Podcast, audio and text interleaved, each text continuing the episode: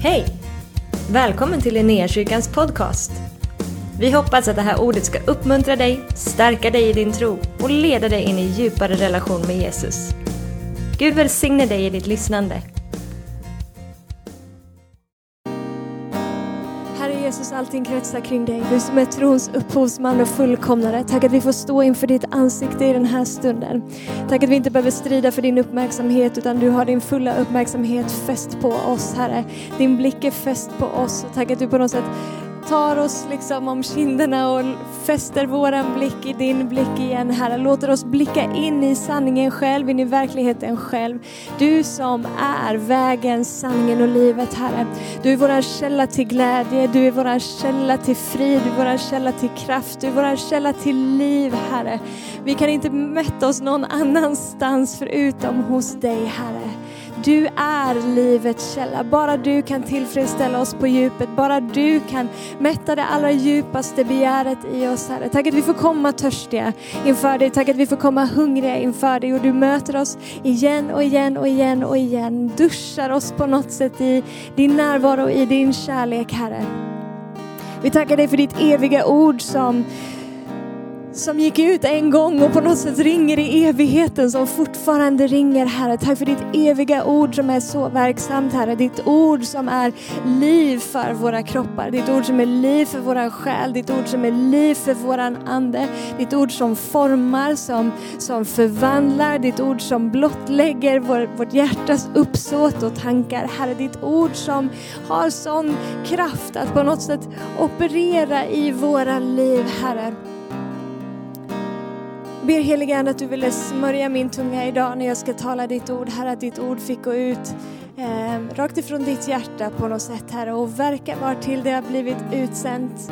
Vi vill ta emot det, Herre, vi vill ta emot det som, som ord som är ifrån ditt hjärta till våra hjärtan, in i våra liv den här dagen, Herre. Låt din närvaro vila över resten av den här gudstjänsten. Låt din närvaro vila över varje hjärta som sitter och lyssnar på detta nu. I Jesu namn. Amen. Amen. Thank you. Har ni eh, gott att få, eh, jag tänkte säga se er, men jag ser ju er inte, men ni ser mig i alla fall. Gott att få prata med er en liten stund. Eh, jag tänker att vi ska dyka in i två stycken eh, bibelställen här innan jag ska försöka dela några tankar. Jag heter förresten Lovisa Tolerud, jobbar som pastor här i i Linnéakyrkan. Eh, och vi står här i fina Linnéakyrkan, lite bak och fram för tillfället, men eh, det är ju roligare så ibland. vi ska läsa från Johannes kapitel 15 till att börja med. Johannes evangeliet. Då står det så här från vers 1 till 5. Jag är den sanna vinstocken. Det här är Jesus som säger om sig själv. Jag är den sanna vinstocken och min far är vinodlaren. Varje, varje gren i mig som inte bär frukt tar han bort och varje gren som bär frukt rensar han så att den bär mer frukt. Ni är redan nu rena i kraft av ordet som jag har talat till er. Förbli i mig så förblir jag i er. Liksom grenen inte kan bära frukt av sig själv om den inte förblir i vinstocken så kan inte heller ni det om ni inte förblir i mig. Jag är vinstocken, ni är grenarna. Om någon förblir i mig och jag i honom så bär han rik frukt. Utan mig kan ni ingenting göra. Så hoppar vi till Johannes eller till Matteus evangeliet kapitel 26 och eh, vi ska läsa från vers 6. När Jesus var i Betania, i Simon den spetälskes hus, kom en kvinna fram till honom. Hon hade en alabasterflaska med dyrbar olja och hon hällde ut den över hans huvud där han låg till bords. När lärjungarna såg det blev de upprörda och sa varför detta slöseri?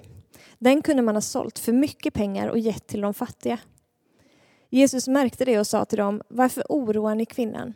Hon har gjort en god gärning mot mig. De fattiga har ni alltid hos er men mig har ni inte alltid. När hon hällde ut den här oljan över min kropp gjorde hon det inför min begravning. Jag säger er sanningen. Överallt i hela världen där detta evangelium förkunnas ska man också berätta vad hon gjorde och komma ihåg henne. Tack Gud för ditt ord. Tala till oss idag, vi ber Herre.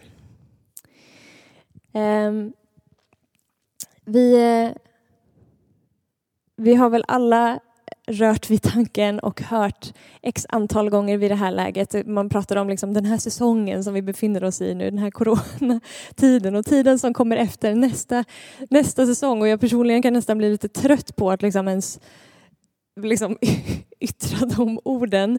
Ehm, men i allt det här i alla fall så har vi ju någonstans rört vid tanken att Gud gör någonting nytt eh, i den här tiden. Det är ju helt uppenbart liksom att det kommer någonstans att finnas ett före och ett efter den här tiden som vi just nu är mitt under. Eh, och man pratar om så här, men vi hoppas verkligen att saker och ting ser annorlunda ut i våra församlingar när vi, när vi kommer tillbaka och då kanske tankarna ibland först och främst har gått till det som har med verksamhet att göra. Eh, kanske vi liksom har kommit på att en del av de saker som vi har gjort kanske vi inte behöver göra eller kanske inte det som Gud kallar oss att göra i den här tiden. Fokus ska liksom riktas någon annanstans. Eh, vi får skala av eh, olika grejer. Eh, jag tror så här att även om vissa saker kanske kommer se annorlunda ut i de i de yttre formerna eh, av liksom utförandet eller verksamhet om man så vill, så tror jag att det som först och främst eh, kommer att se annorlunda ut, eller det som omformas först och främst just nu, är våra hjärtan. Eh, Gud gör någonting nytt i sitt folks hjärta. Han beskär våra hjärtan, han, han omfam, eh, omformar våra hjärtan, eh, låter saker och ting liksom falla på plats eller få perspektiv, skalar av grejer, beskär eh, på olika sätt eh, i oss och det kan te sig olika för olika individer eller för olika församlingar, liksom exakt vad det är men jag tror i alla fall att det, det händer på det ena eller det andra sättet.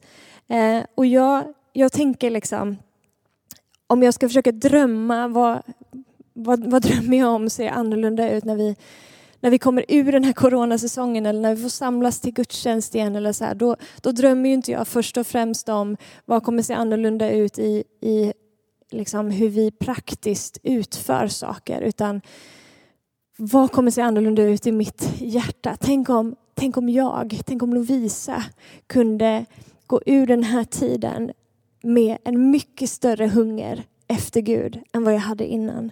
Tänk om Lovisa kunde gå ur den här tiden med en mycket mer fördjupad kärlek och passion till Jesus. Tänk om Lovisa kunde eh, liksom kliva in i, i nästa säsong med ett mycket bredare perspektiv, med ett, ett längre perspektiv och med ett mycket större ja till Gud i mitt hjärta än vad jag hade när jag gick in i den här tiden. Hur skulle våran tillbedjan se ut när vi kommer samman igen och får, får lovsjunga? Hur ser våran tillbedjan ut om det här har fått liksom om, omdanas eller inskärpas eller fördjupas, fördjupats på något sätt i våra hjärtan? Vad, hur ser det ut? Vad händer då? Eh, och så i den här tiden då när vi på något sätt har liksom saktat ner lite grann, tempot har gått ner på, för en del i alla fall, eh, när verksamheter har stängts ner och sådär. Eh, när vi börjar stilla oss lite så är det som att Guds ande får tillträde till våra hjärtan på ett annat sätt, förhoppningsvis, om du vill det. Ehm, och när han får det så exponeras våra hjärtan. Och nu pratar jag utifrån från min egen erfarenhet, att, att mitt hjärta har börjat exponeras. Ehm, och, och då, inte, då menar jag inte först och främst liksom exponeras inför Gud, för att mitt hjärta är alltid exponerat inför Gud. Han ser alltid rakt igenom. Även när min egen rullgardin är nere liksom, så ser Gud mitt hjärta. Men mitt hjärta exponeras inför mig själv. Alltså Gud öppnar mina ögon för saker och ting och, och gör mig medveten om saker och ting som, som finns på min egen insida. Liksom. För att helt plötsligt så finns det tid och utrymme och, och en, en själ som är mer stilla för att kunna uppfatta de här grejerna som, som jag tidigare kanske bara har sprungit förbi. Liksom.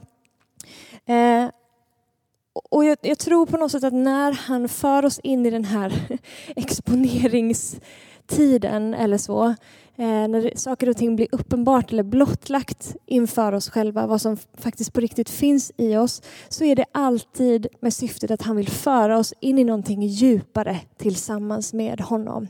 Alltså det finns liksom en, eh, ett syfte, det finns någonstans där Gud är på väg att dra oss in i, dra oss in i djupare gemenskap, dra oss liksom ut i större frihet, ut i större mognad eller vad det nu än kan vara. Och när den här, för mitt, för mitt eget personliga liv då, när den här processen händer i mig, när Gud visar mig mitt eget hjärta ibland, eh, så kan jag ibland tänka så här, men Gud, jag trodde vi hade dealat med det här en gång förut. Eller flera gånger förut. Jag trodde vi liksom hade gått igenom det här redan. Har inte jag redan gjort upp med de här sakerna? Har inte jag redan bearbetat det här? Ska vi verkligen dra det här ett varv till? Ehm, så är det som att Gud liksom bara eller för, för, min egen känsla i det då kan ju bli så här, ha, är jag tillbaka på ruta ett nu liksom? Var allt det där andra arbetet, är det ogjort? Men det är det ju inte. Men det är som att Gud liksom skalar av lager efter lager. Det är saker och ting som jag tänkte att jag hade gjort upp med eller var bearbetat eller vad det nu kan vara. Sen innan så finns det liksom ytterligare en dimension eh, som Gud vill jobba på, där, där Gud liksom mejslar lite i mitt hjärta så tar vi det ett varv till. Om den här tiden är en sån tid där Gud rensar oss på något sätt eller ansar oss eller nej, omformar oss för att dra oss in i eh, djup, djupare dimensioner tillsammans med honom eller in i djupare överlåtelse om man så vill tillsammans med honom eh, Eh, så, så sker ju den här liksom exponeringen av hjärtat på något sätt för att han vill uppenbara allting som eventuellt konkurrerar om tronen i mitt hjärta.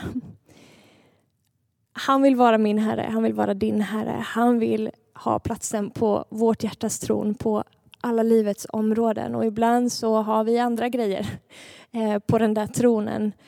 Men Gud i sin nåd låter det bli uppenbarat för oss och rensar oss på det sättet. Varför? Jo, för att vi ska bära mer frukt. Inte för att han tycker det är i största allmänhet roligt liksom och nu ska vi se hur mycket hur ont det kan göra när jag trycker på den här punkten i henne. Liksom. Han gör ju det för att han är mån om din och min frihet. Han gör det för att syftet är att vi ska bära ännu mer frukt eh, tillsammans med honom. Um, du och jag kan, eh, vi kan leva hur fina kristna liv som helst liksom på utåt sett, eh, göra alla de rätta sakerna, men Gud ser igenom våra, våra rökridåer. Eh, och det gör ont ibland när den där rökridån går upp för mina egna ögon. Men han är intresserad av att pinpointa allt i ditt och mitt liv som hindrar din och min tillväxt tillsammans med honom. Allting det som står i vägen för att vi fullt ut ska kunna kliva ut i det liv och i den friheten och det fruktbärande som han har skapat oss för att, för att skapa. Eh, men som sagt, den insikten kan ibland vara väldigt smärtsam.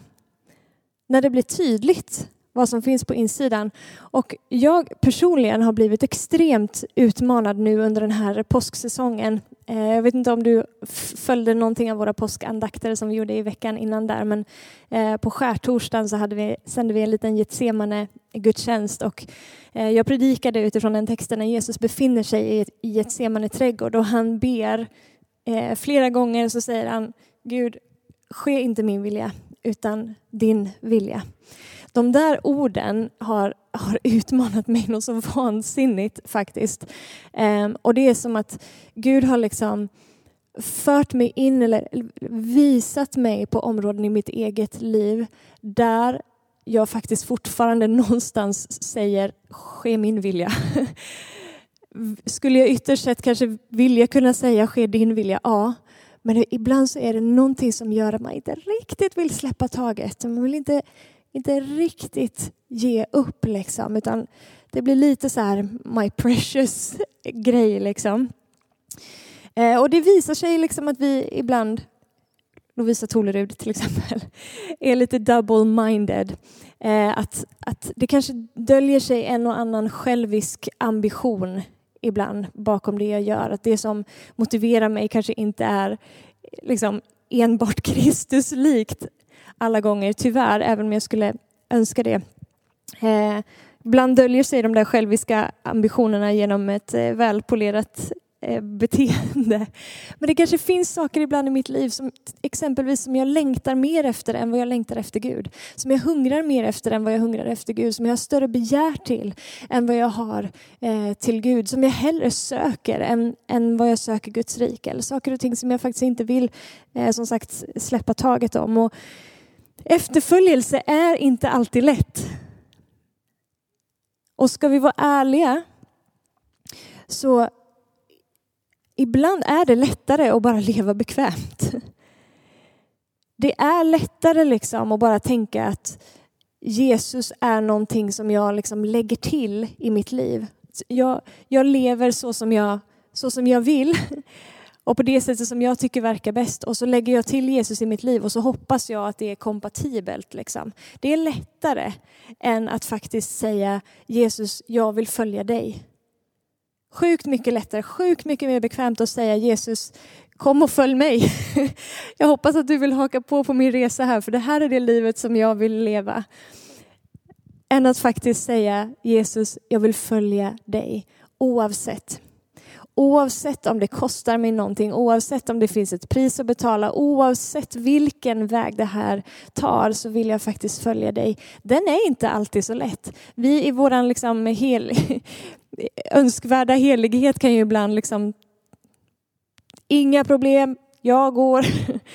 Och sen så när det väl kommer till kritan, liksom, när det väl visar sig att ah, måste jag ge upp den här grejen? Då är det inte alltid så lätt som vi, som vi tänker eller önskar att det skulle vara kanske. Eh, och ibland så tänker jag att vi kanske vi vill ha allting som den här världen erbjuder oss att få.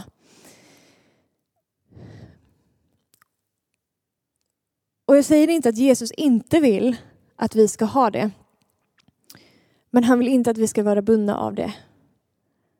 Där ligger en stor skillnad. Vi tillhör inte den här världen, vi tillhör ett annat rike. Vi har vårt medborgarskap i himlen och vi, vi kallade att leva efter en högre standard på något sätt. Eller vi kallade att leva av någonting annat. Våran mat är någonting annat än att bli tillfredsställda och mättade av det som hör till den här världen. Av framgång, av rikedom, av status, av position, av mat materiella saker. Vi är kallade att bli mättade och ha vår källa i någonting annat, hos någon annan. Och han heter Jesus. Inte söka vår tillfredsställelse först och främst från de, från de yttre grejerna. Ehm, så frågan är, tänker vi liksom att, att eh, Jesus ska ge oss allt det där som den här världen har att erbjuda och som den här världen lockar med och när han ger mig det, då ska jag leva överlåtet. Jesus om du gör mig känd, då ska jag göra dig känd. Den, den, liksom, den grejen i våra hjärtan kanske döljer sig bakom att vi säger jag vill bara göra dig känd Jesus. Jag vill proklamera dig överallt jag går och jag vill, vill, att du ska bli förhärligad. Och sen så döljer det sig någonting i våra hjärtan långt inne som någonstans säger, fast låt lite strålkastarljus hamna på mig. Låt, låt folk se lite grann hur bra jag är också. Eller Jesus, om du bara svarar på den här bönen på det här sättet, då ska jag följa dig. Jesus, ske din vilja fast på det här sättet. Eller om, om du ger mig den här grejen, den här saken som jag längtar efter, då följer jag dig. Villkorar vi den eh, överlåtelsen liksom?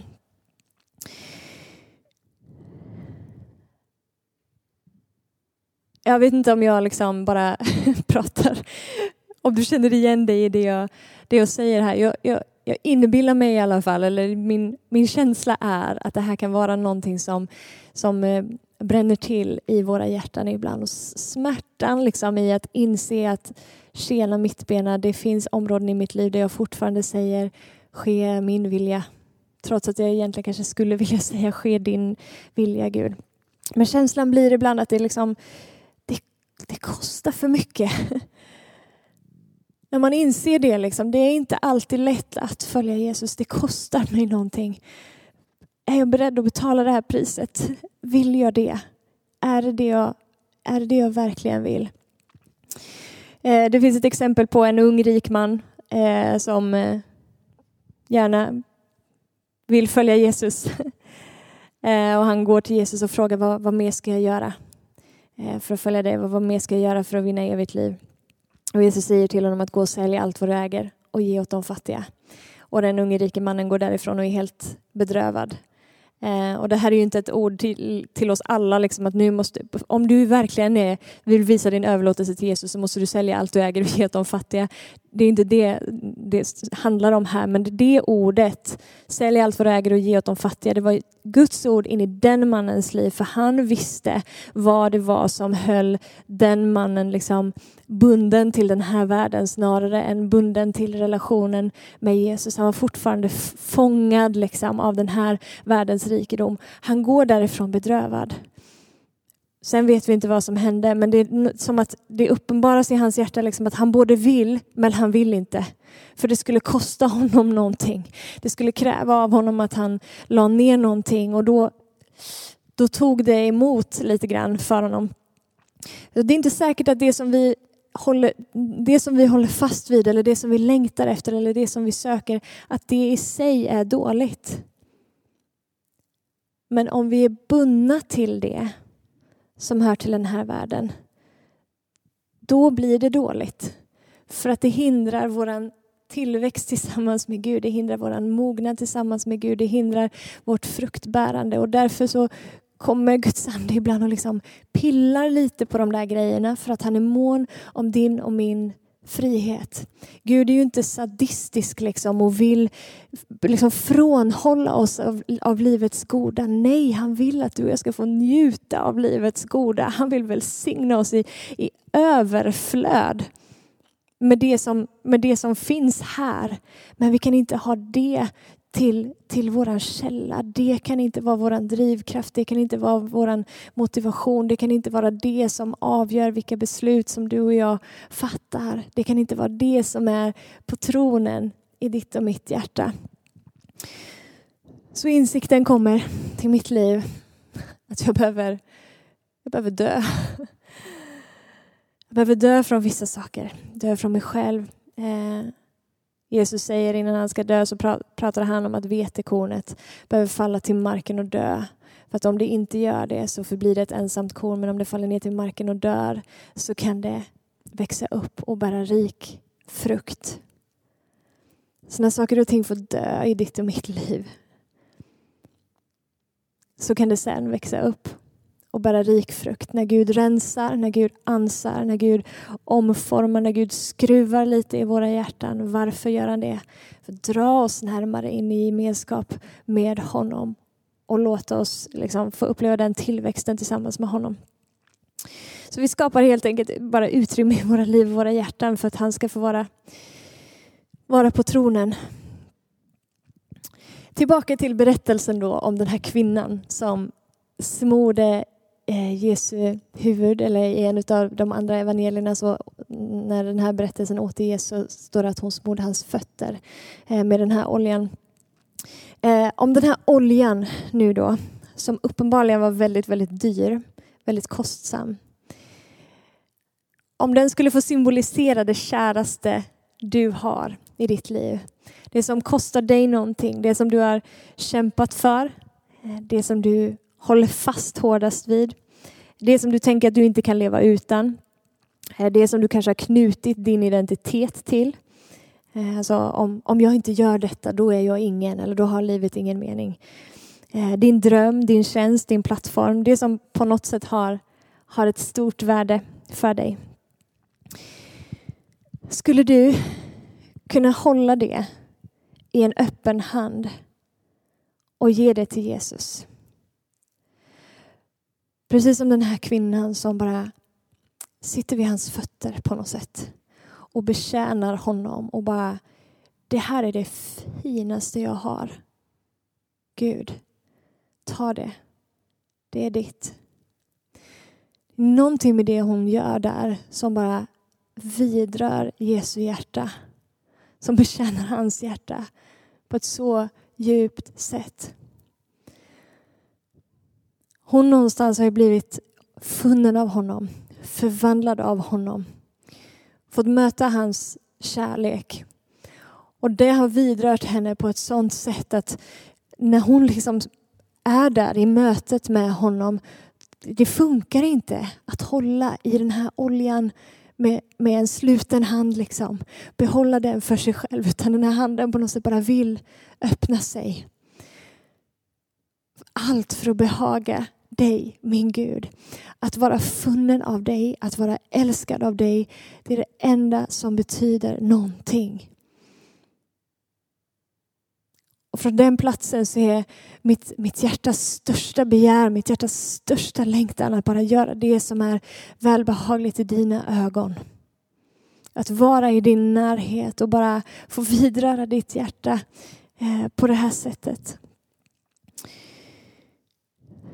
Hon var beredd att, att mista, eller ge, det till honom. Det finns ett bibelord som säger att den som vill bevara sitt liv ska mista det, men den som mister sitt liv för min skull ska finna det.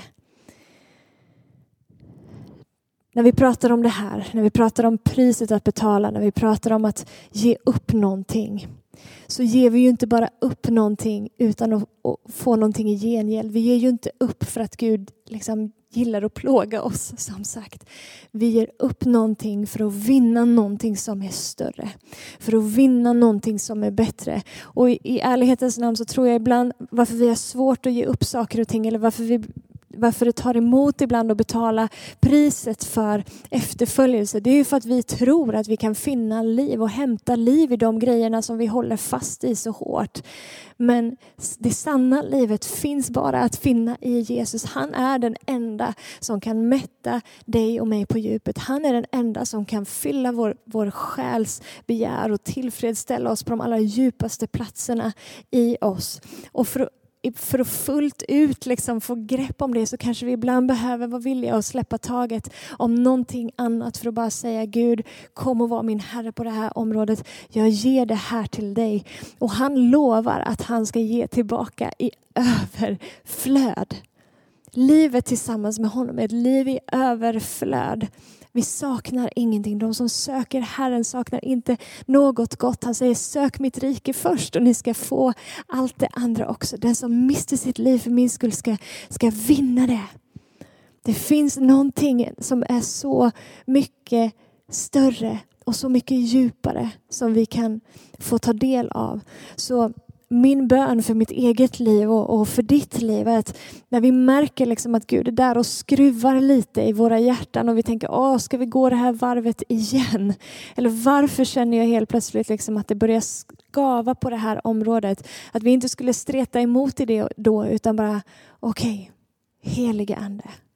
Jag förstår att du är här för att du vill föra mig in i någonting djupare tillsammans med Gud. Du kallar mig in i ytterligare en nivå liksom av, av intimitet eller ytterligare en nivå av efterföljelse tillsammans med Jesus. Och, och jag ber om din nåd Gud att svara ja på den här inbjudan. Och viktigt för oss att påminna oss om i det här är att ditt och mitt liksom, mått av överlåtelse påverkar aldrig Guds kärlek till oss. Vi gör inte det här för att vinna hans kärlek eller för att vinna hans acceptans eller vinna hans stolthet liksom, eller vinna, vinna pluspoäng på något sätt. Utan vi gör det här för att vi redan är älskade, för att vi redan är accepterade, för att vi redan har hans fulla uppmärksamhet. Den här kvinnan som smorde Jesus med, med den här oljan, står att hon var en synderska. Hon var en synderska som hade fått möta Guds kärlek medan hon inte hade gjort ett enda rätt. Inte ett enda rätt. Och likadant så är det med dig och mig.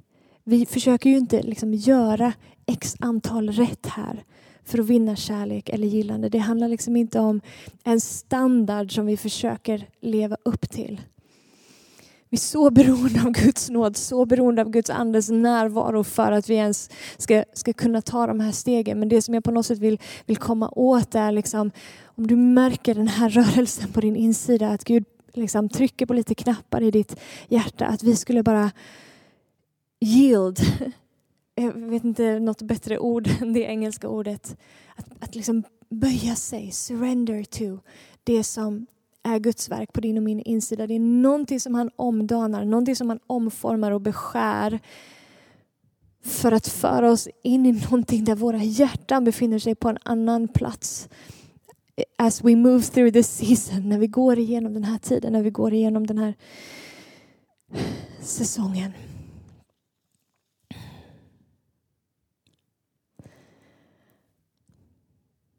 Jag har pratat länge. Jag hoppas du är med mig. Jag hoppas att det här inte eh, landar som ett, eh, som ett kravfullt ok eh, på dina axlar. Utan jag säger det jag säger för att på något sätt bara belysa någonting som jag tror att Gud gör i oss, som jag tror att han gör i sitt folk för att renodla oss på något sätt. Han ansar oss, han renar våra hjärtan låter vår kärlek till honom eh, växa sig starkare och djupare. Och han kommer liksom, i sin nåd att pilla på allting i ditt och mitt hjärta som hindrar det. Allting som hindrar din och min tillväxt, allting som hindrar din och min frihet, allting som liksom vill binda oss som där vi försöker hämta vår kraft och glädje och frihet i som faktiskt inte är vår källa till kraft och glädje och frihet. I sin nåd så kommer han att göra det i ditt och mitt hjärta. Eh, och att vi skulle säga ja mitt i, mitt i den brottningskampen. Liksom. Att vi inte skulle förhärda våra hjärtan och säga Gud, jag hör att du säger det här, men det här kostar mig för mycket.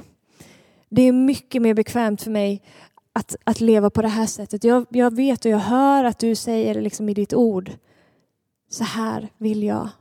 Det här är vad jag önskar för dig. Men den andra delen av mig vill det här. Låt oss inte gå vår egen väg. Låt oss inte gå vår egen väg. Låt oss bli ett folk som säger ja till honom och som säger ja till att följa även när det kostar mig min egen bekvämlighet. Även när jag behöver dö ifrån mig själv för att priset som vi vinner är så mycket större. Det andra är bara liksom falska eh, lockelser som inte är vägen till liv. Vägen till liv gå igenom Jesus Kristus som är vägen och sanningen och livet. Låt mig be. Herre, vi tackar dig att du är så god emot oss hela tiden. Vi tackar dig att du känner våra hjärtan så otroligt väl. Vi tackar dig för det som du gör i den här säsongen ibland ditt folk. Vi tackar dig att du kallar oss in i djupare överlåtelse. Vi tackar dig att du kallar oss in i bara ett större ja till dig.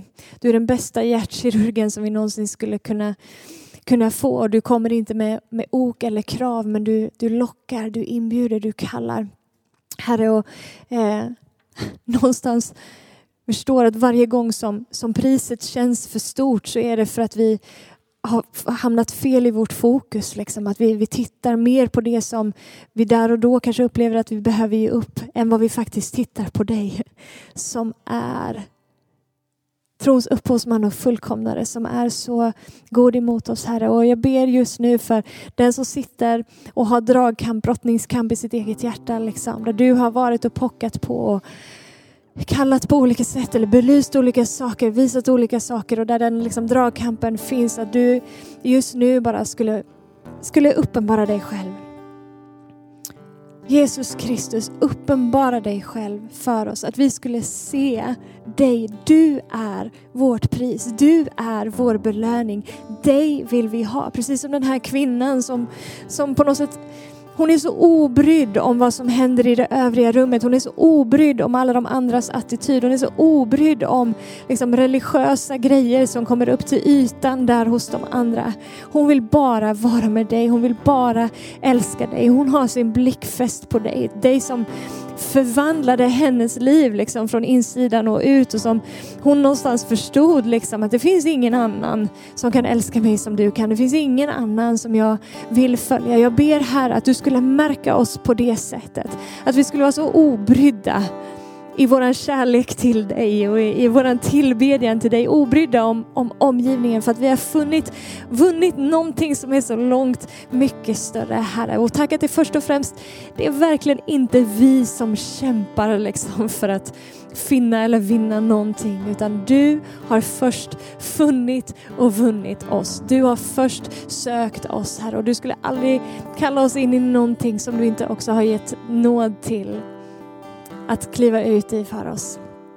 Tack att du rensar oss Herre. Vi tackar dig att du behandlar oss som dina äkta barn. Tack att du, du tuktar oss i din kärlek Herre för att sätta oss ännu mera fria och för att vi skulle bara få ytterligare liksom gå djupare in i hela grejen av förblivandet i dig, förblivandet i den sanna vinstocken så att vi kan få gå ut och bära frukt Herre, så att ditt liv ännu mer skulle få bli synligt, gestaltat, manifesterat genom våra liv på alla sätt och vis.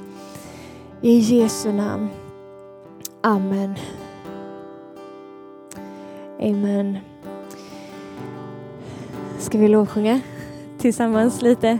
Eh, ta den här stunden, använd den här stunden till att gensvara till det som Gud kanske har gjort i ditt hjärta när du har hört hans ord.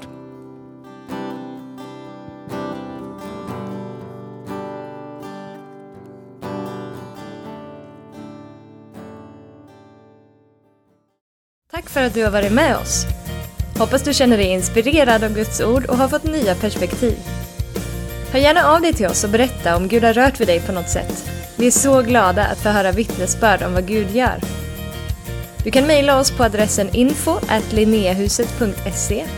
och dit kan du även mejla om du har ett böneämne som du önskar att vi ber för. Eller om du har tagit emot Jesus och inte har någon bibel så vill vi mer än gärna skicka en bibel till dig. Skicka ett mejl med ditt namn och dina adressuppgifter till info så ser vi till att du får en. Om du vill ge en gåva till Linnéakyrkans arbete för att nå fler människor med evangelium så kan du swisha till 123 520 0993. Du kan också besöka oss på linneakyrkan.se för att få mer information. Välkommen tillbaka att lyssna snart igen.